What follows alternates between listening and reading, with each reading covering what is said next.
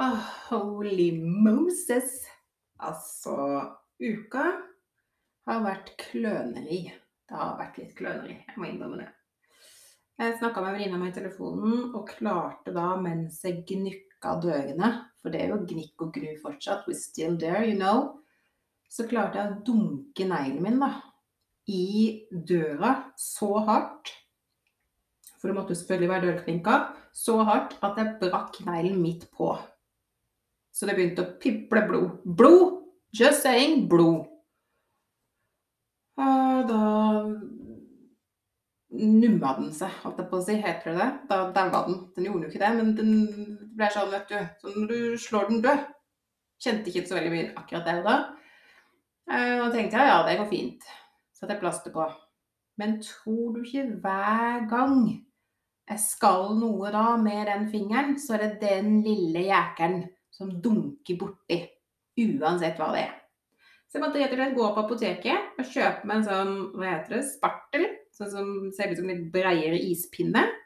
Legge under denne fingeren, og da eh, medisinsk teip rundt.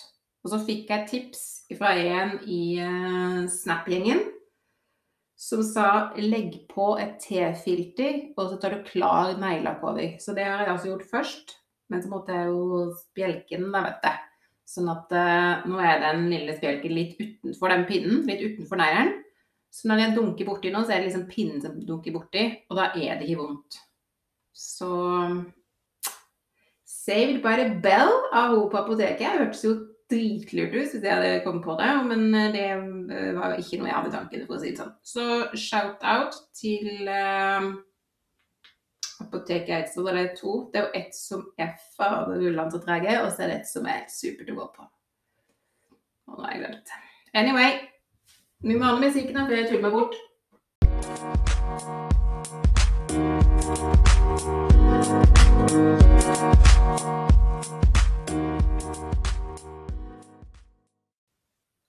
Velkommen til Josefa-yoga fra sjel til sjel. Åh, herlig. Jeg er så glad for at jeg har denne muligheten til å bare kunne tømme hjertet mitt, sjelen min. Fordi jeg må innrømme at sånn som det er akkurat nå, så snakker jeg med veldig, veldig få mennesker. Og jeg skal etter hvert i poden komme frem, eller komme til hvorfor. Men uh, jeg tenkte jeg skulle snakke med deg om noe. For dere hørte jo introen her, hvor klønete liksom det er mulig å være. Og jeg tror egentlig det kan være mye fordi jeg stresser så da, med det jeg holder på med nå. Selv om jeg gjør yoga hver dag og mediterer jo i det hele tatt, så er det allikevel det der ekstra uromomentet som ligger der. Og det kjennes veldig godt. Så jeg har gått med en sånn derre ja, vært vanskelig periode så jeg tenkte i går så gikk jeg meg halvannen times tur, og så tenkte jeg at på veien så skal jeg stoppe og kjøpe noe frukt. Og så skal jeg kjøpe, eller gå innom Europris og se hva de har. Og så fant jeg sånne små koffertmerker med litt sånn gøye, spreke farger på, enhjørninger og i det hele tatt. Så tenkte jeg yes, da er det noe håndfast. For jeg vet iallfall at så lenge verden er liksom sånn som det er nå, så skal jeg ut og reise. Så det kan jeg jo liksom Det er jo en sånn god sånn OK, dette er en trygg greie for deg akkurat nå, liksom. For alt annet er jo litt utrygt. Såpass ærlig skal jeg være.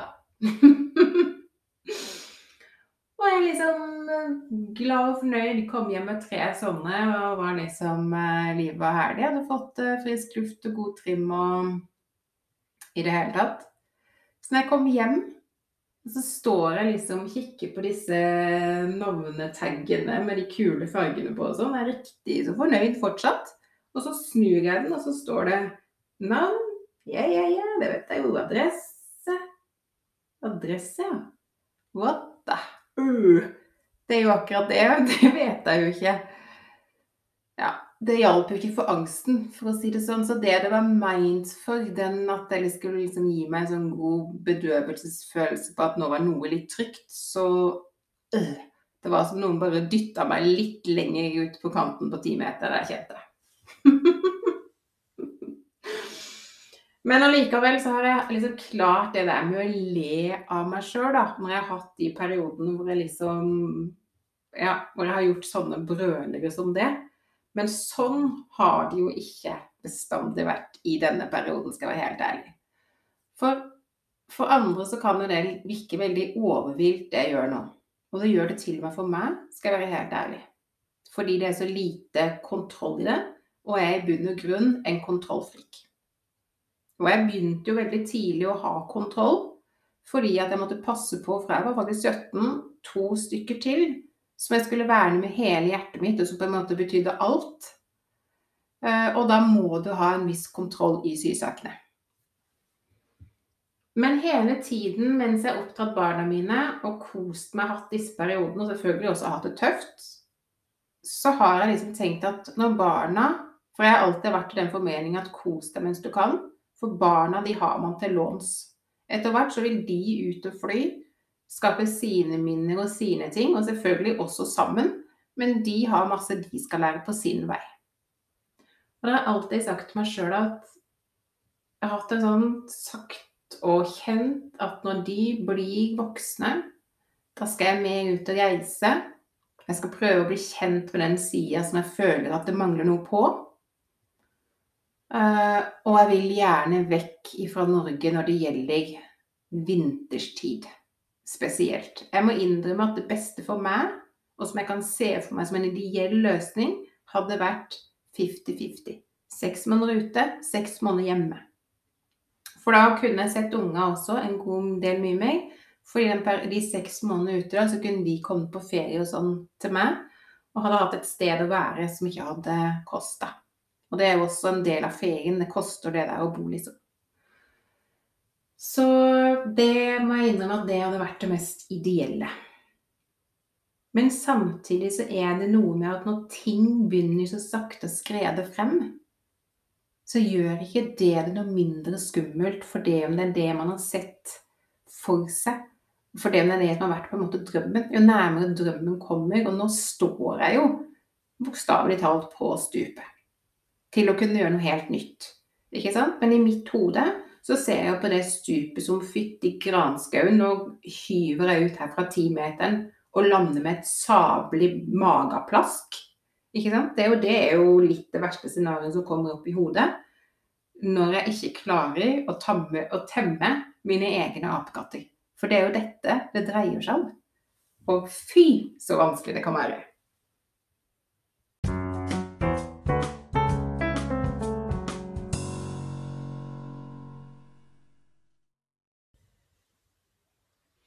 Det er ingen hemmelighet at jeg har vært eh, veldig dårlig denne vinteren her.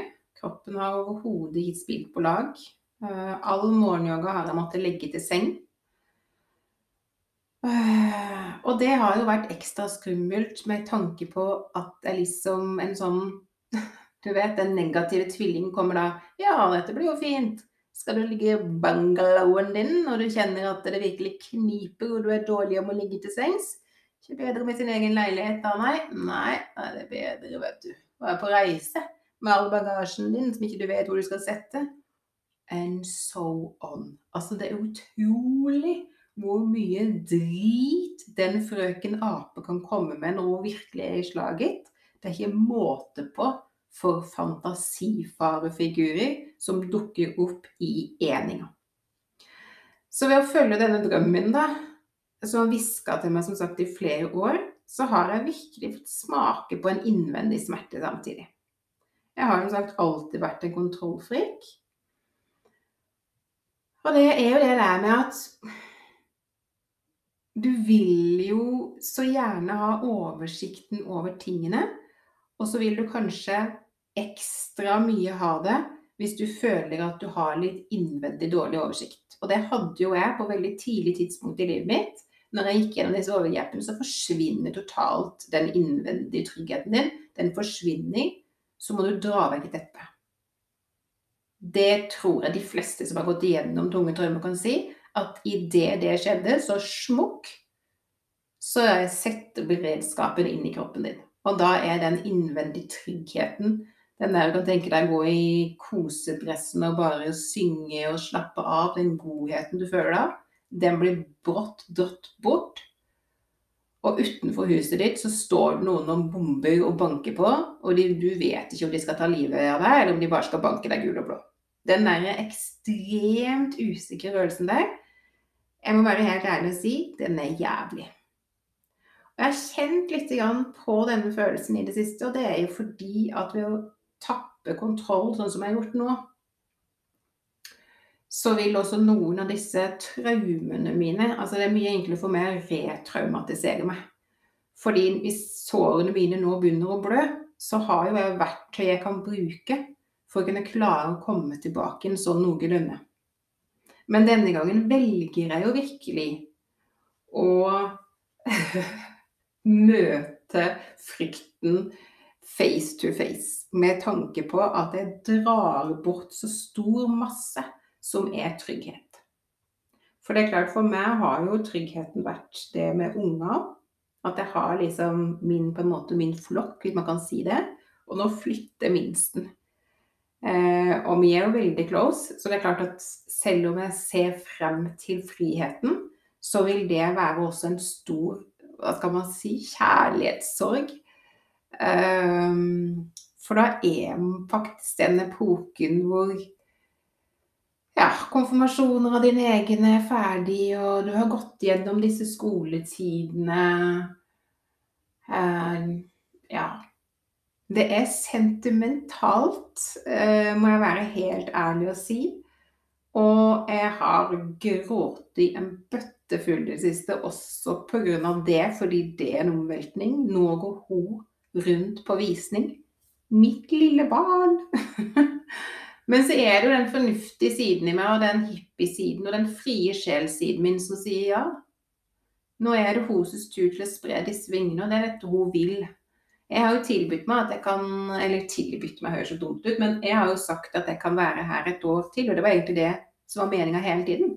At jeg, hun skulle bare selge huset nå for å ha gjort det, og så skulle vi leie det siste året sammen før hun skulle på høyskole.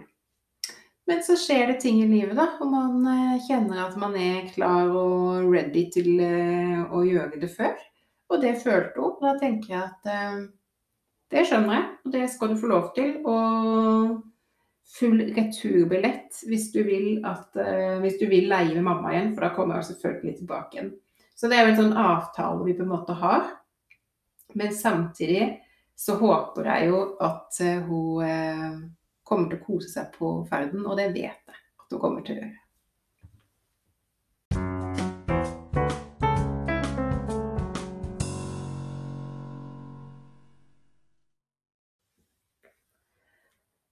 Ja. Altså, barna for de aller fleste foreldre er jo det kjæreste vi har. Vi har jo følelser utenpå huden med disse barna våre. Altså, Vi kan jo være så sinna på det at vi har lyst til å dra det i huet, ikke sant? men det må ikke være en annen sjel som sier noe om det. Fordi det er våre barn uansett hvilken vei de velger å gå. For vi har forskjellige sjeler. Men ingen barn kommer jo med bruksanvisning. Alt må man føle og kjenne på. Har man gjort det riktig? Og alt i alt så tror jeg at det er etter hva vi voksne har lært på veien vår, jeg ser jo veldig forskjell på mine barn. De har forskjellige personligheter. Men også har nok jeg som jeg alltid har sagt, ja, men jeg har jo, altså de er oppdratt likt. Ja, det er de for så vidt. Men jeg har lært annerledes ting på veien. Jeg har jobba med meg sjøl opp igjennom. Og det tenker jeg at eh, det er det jo Altså, sånn er det jo for alle. Man gjør ting første gangen, så uten bruksanvisning så står man der. Men man bare stoler på det man har lært, det man føler, det man kjenner. Og så får man si unnskyld der man har å si unnskyld, og så får man ta lærdom av det man har å ta lærdom av. Tenker jeg. Men her står jeg da altså, nesten 25 år etterpå, og er selv klar for å følge den sjelen. Og er litt friere nå, da, hvor barna er store, i forhold til det. Men kroppen den får mye å forholde seg til når den skal utsettes for nye ting. I en periode så var jeg så retraumatisert og hadde så mye angst, eh, panikkanfall, at uh, Jeg kunne ikke gjøre yoga-asanasene, altså yogaøvelsene. Jeg hadde ikke sjans, for jeg var så i beredskap at det å kjenne min egen kropp, det var ikke et alternativ. Heldigvis om vinteren så har jeg så gode verktøy, og det er også derfor jeg elsker å undervise eh, andre kvinner, spesielt kvinner som har vært gjennom traumer, fordi at det finnes så mange andre muligheter man kan prøve på. Det finnes så mange veier at hvis ikke den ene går, nei vel, da skifter man, og så finnes det andre. Min vei denne gangen det blei at jeg måtte gjøre som sagt yogaen i seng. Og når jeg sier da yogaen, så var det øvelse hvor jeg så vidt på en måte beveget kroppen min. Rett og slett bare for å få den følelsen at det var en viss kontakt der. Så gikk jeg over til shanting, altså mer synging av ord, mantraer, som treffer kroppen på en god måte. Og det gjorde jeg liggende. Og innimellom så gjorde jeg det også mens jeg lå i førstestilling, når anfallene, vi kan kalle det det, blei for ille. Og jo mer kroppen står i beredskap, jo tommere blir batteriet mitt. Så ved å fylle på disse verktøyene, så tømmes ikke batteriet på samme måte. For jeg påfyller litt og litt. Selv om ikke jeg på en måte gjør det en time eller en halvtime for den saks skyld. Jeg fyller på litt og litt gjennom dagen, sånn at batteriet ikke kommer seg helt ned i null. Fordi kommer den helt ned dit, så er det så innmari vanskelig, syns jeg, å komme seg opp igjen.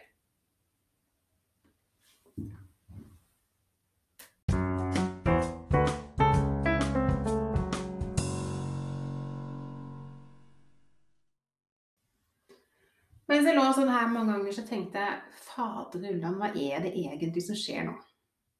Mang en gang var jeg på gangen og tenkte må du egentlig ha hjelp nå?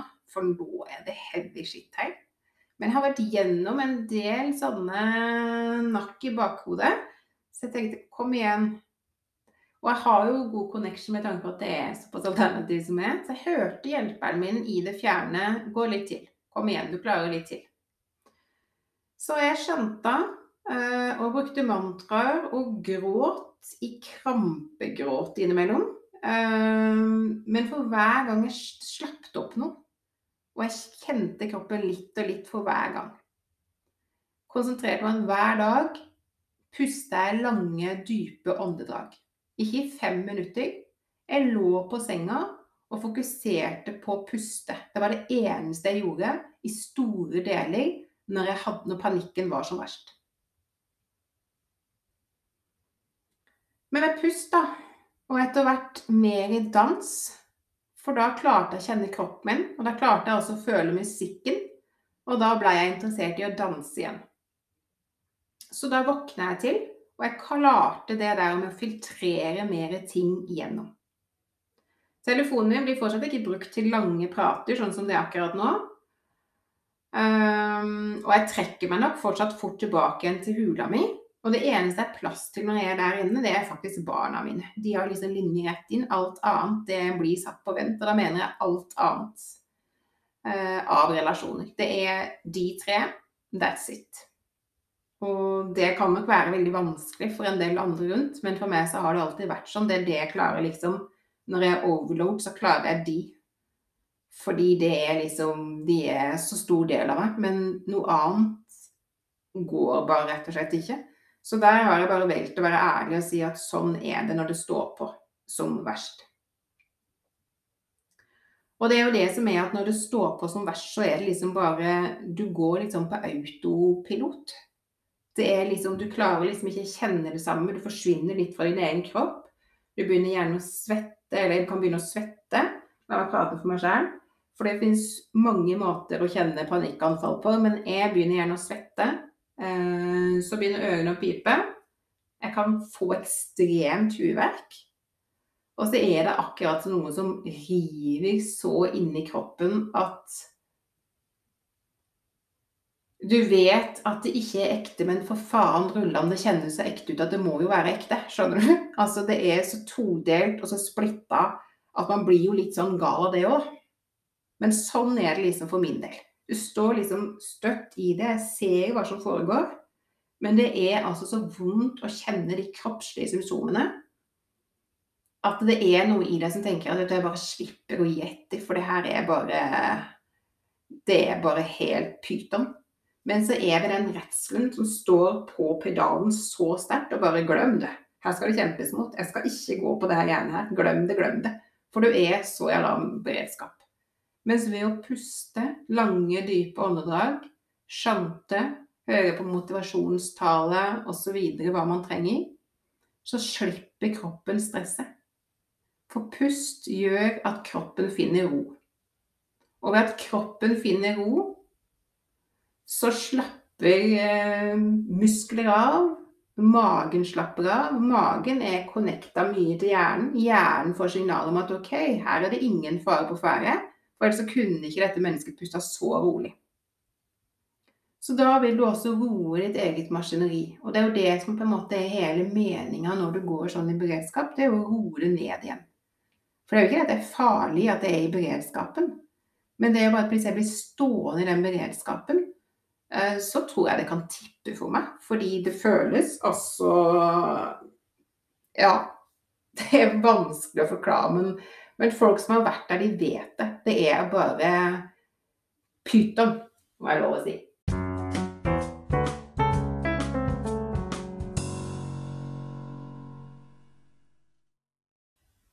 Men etter hvert som jeg bruker disse verktøyene, da, så begynner jeg å se koblingen til det underliggende traumet. Hva som er aktivisert her.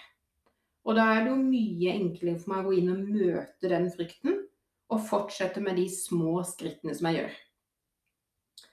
For gjør jeg for mye, så blir jeg sengeliggende igjen. For i denne prosessen med disse panikkavfallene så er alt veldig, veldig skjørt. Magen låser seg og blir mye stivere. Og det vet man jo at når magen låser seg, hjernen, nei, magen har mye kobling til immunsystemet ditt. Ikke sant? Det er mye enklere å bli dra til seg alt mulig av basillusker. Jeg syns du står liksom midt i et lyskryss, og det kommer folk og biler på kryss og tvers. Hei, hei! Ready! Har du noen basillusker til meg? For du får alt. Absolutt alt mulig skitt. Så det, det, er noe med å finne den balansegangen. Eh, og der er jo jeg mid, under middels dårlig. Så som de sier på Kompani Lauritzen, er under rang. Tror jeg det, faktisk. Men jeg jobber meg opp til norm, og der er jeg liksom på vei. Det er målet mitt.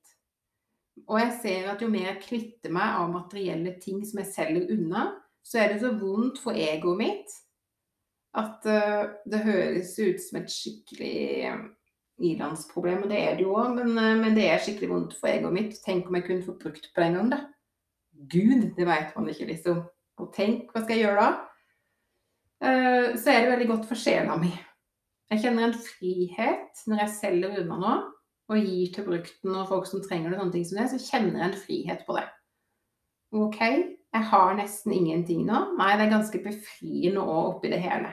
Så jeg vil liksom passe på at jeg ser også disse positive tingene. At jeg liksom ikke bare ja, luller meg ned i noe annet. Og derfor er jo denne mentaltreninga oppi den prosessen jeg er nå, alfa omega. Det, er, det må jeg virkelig si, altså. Så disse, øh, disse verktøyene, denne sjantinga, disse rolige bevegelsene, fører meg igjen inn til at jeg kan ta tak i rolige yogaprogrammer. Jeg gjør alt fortsatt i seng en periode, men jeg kan bevege kroppen mye mer og kjenne kroppen min mye mer. Og så flytter jeg meg ut derfra i små skritt. Um, for jeg kan liksom ikke kollapse den lille tryggheten som jeg nå har klart å kjempe meg opp til. Så jeg må si fine ting til meg selv på ferden, veldig rolig. Uh, bøker om å snu sinnstilstanden, om å tro på seg sjæl. Uh, og jeg kutta ut mennesker som jeg ser tapper mye. Men som jeg kanskje før har spart fordi jeg har hatt en dårlig samvittighet. Fordi ja, men de prøver jo Det går jo an å se de innimellom. Men akkurat i den perioden nå så har jeg bestemt meg nei, de tapper likevel for mye. Og det er akkurat det for mye som jeg ikke har. Eller det er akkurat de for mye dråpene som gjør at det renner over, og jeg blir tappa.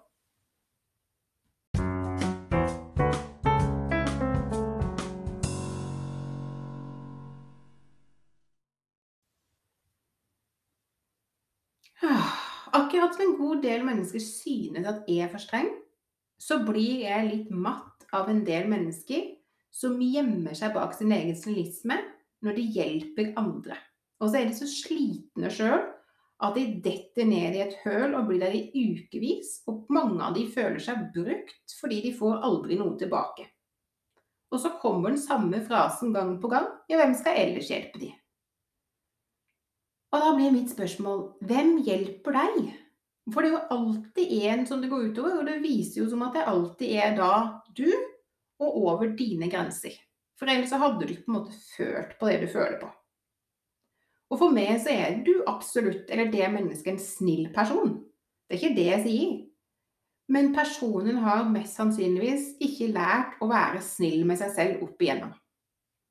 For hvis det er en ting vi ikke lærer som liten, at vi må bli oppdratt til å ta hensyn til andre, så må vi jo lære det siden da, i livet vårt. Og det går heldigvis an, men da innebærer jo det en jobb. Men jeg synes at man fort gjemmer seg bak at man er så snill, så går man stadig på egen Altså sin egen helse går stadig på ræv, liksom. Påga det. Da syns ikke det er noe vi andre bør stå på utsida og applaudere til og si Nei, du er så snill, altså. Nei, du er ikke snill.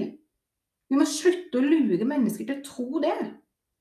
For sjansen for at en blir godt innstilt vane, er lett å glemme og gjemme seg bak, altså.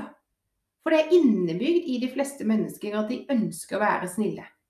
Fordi da vanker det mye skryt og heder fra de rundt. Og da er det veldig lett å glemme å ta hensyn til seg selv, fordi den hele de gode ordene betyr så mye, da. Og jeg synes det er trist at snillhet er å gå over egne grenser. Er, for meg er det liksom, det er akkurat som vi lever liksom i bakvendtland. Å ja! Du lytta ikke til hva du trengte, så her ligger du og hviler på fjerde dagen. Hurra! Så flink du er! Fy søren, du er snill, altså. Hæ?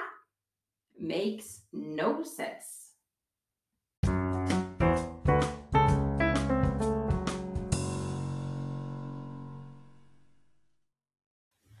Velkommen til det alternative hjørnet.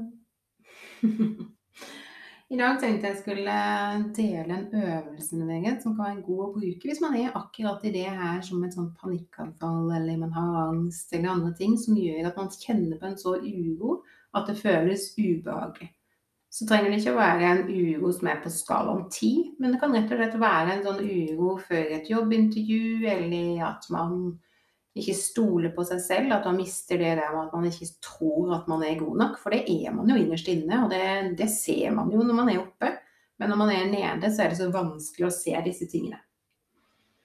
I den prosessen vi har vært i nå, så vet jeg jo at det er seksualsjakraet mitt som har trengt påfyll og masse oppmerksomhet. Og i dette seksualsjakraet så ligger jo også skaperkraften.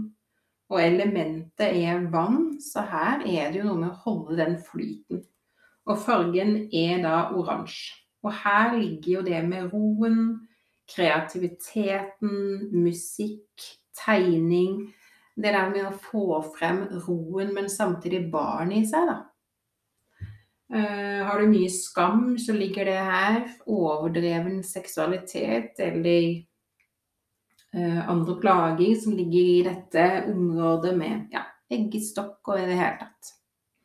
Chakra er et kjempespennende felt. Man kan jo sitte og prate i dagevis om det temaet. Jeg selv elsker det.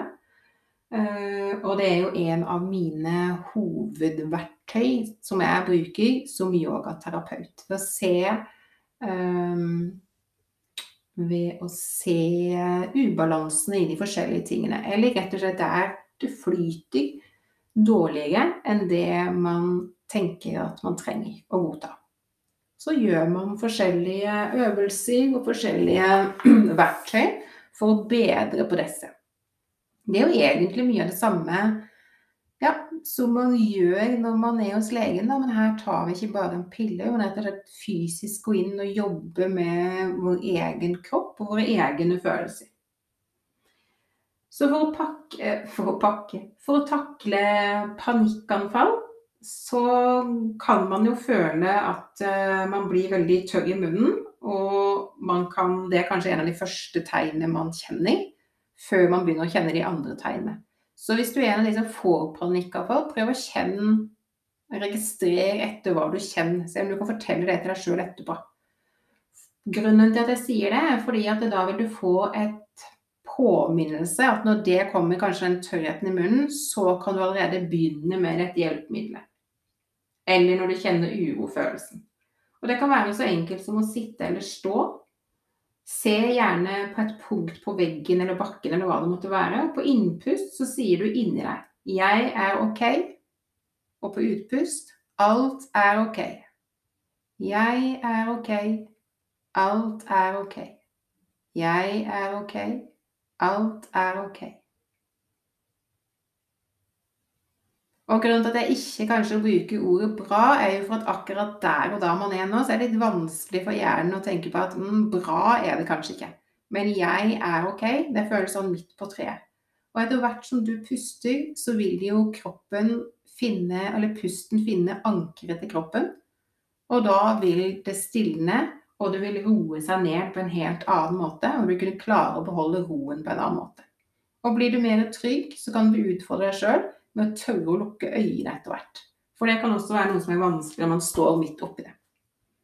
Så det var dagens tips i det alternative hjørnet.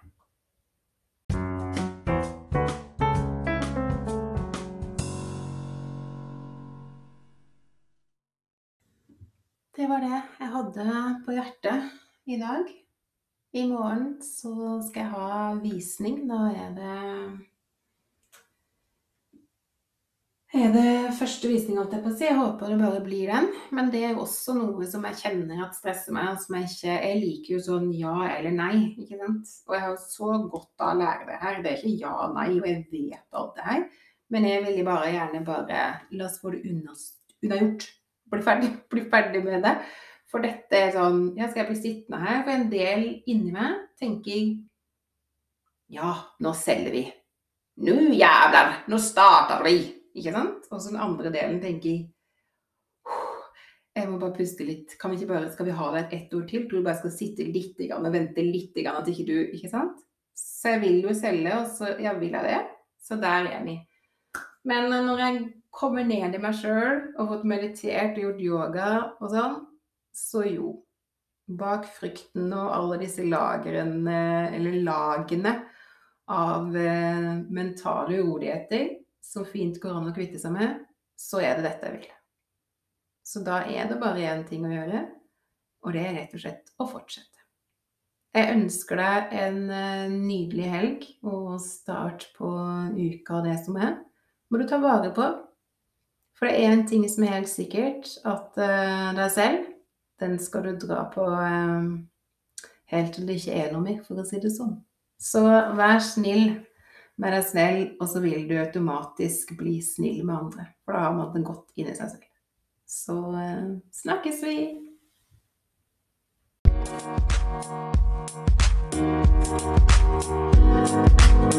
Thank